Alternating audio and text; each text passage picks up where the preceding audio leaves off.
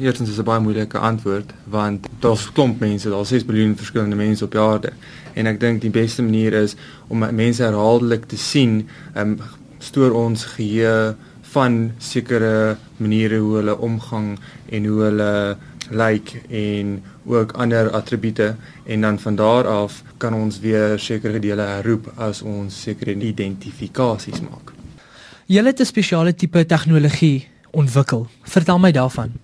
In kontras van 'n normale facial recognition tegnieke, gebruik ons die gesig as 'n verskriklike ryk bron van inligting vir unieke kenmerke wat kan gebruik word om hierdie persoon te identifiseer.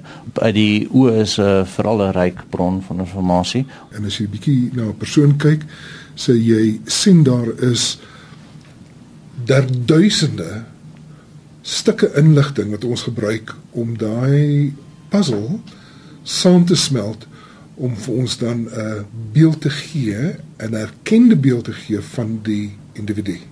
So werk hierdie ding dan net op een vlak, op die voorkoms van 'n mens. Die tegnologie wat ons ontwikkel is basies om 'n rekenaar in staat te stel om bietjie meer soos 'n mens te dink. So die rekenaar moet kan kyk na jou gesig en hy moet kan leer en sien soos wat 'n mens jou sien.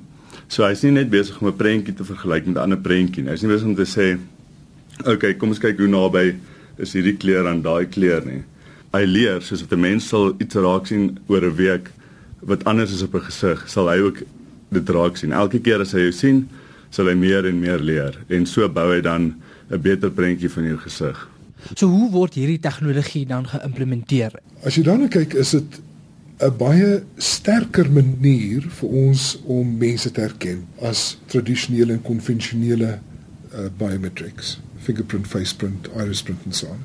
En as gevolg daarvan is dit van toepassing in situasies waar dit belangrik is dat ons weet wie die persoon is, dat ons 'n sterk resultaat kan kry. As gevolg daarvan word dit gebruik in sekuriteitsomgewings en finansiële situasies. Byvoorbeeld, ons het iets afgewys wat 'n sekuriteitsbeampte in staat stel nie net om die individu te sien en om die situasie af te neem nie, maar ook om die individu te herken en dan ook om die situasie te analiseer. This is a threat or it's not a threat.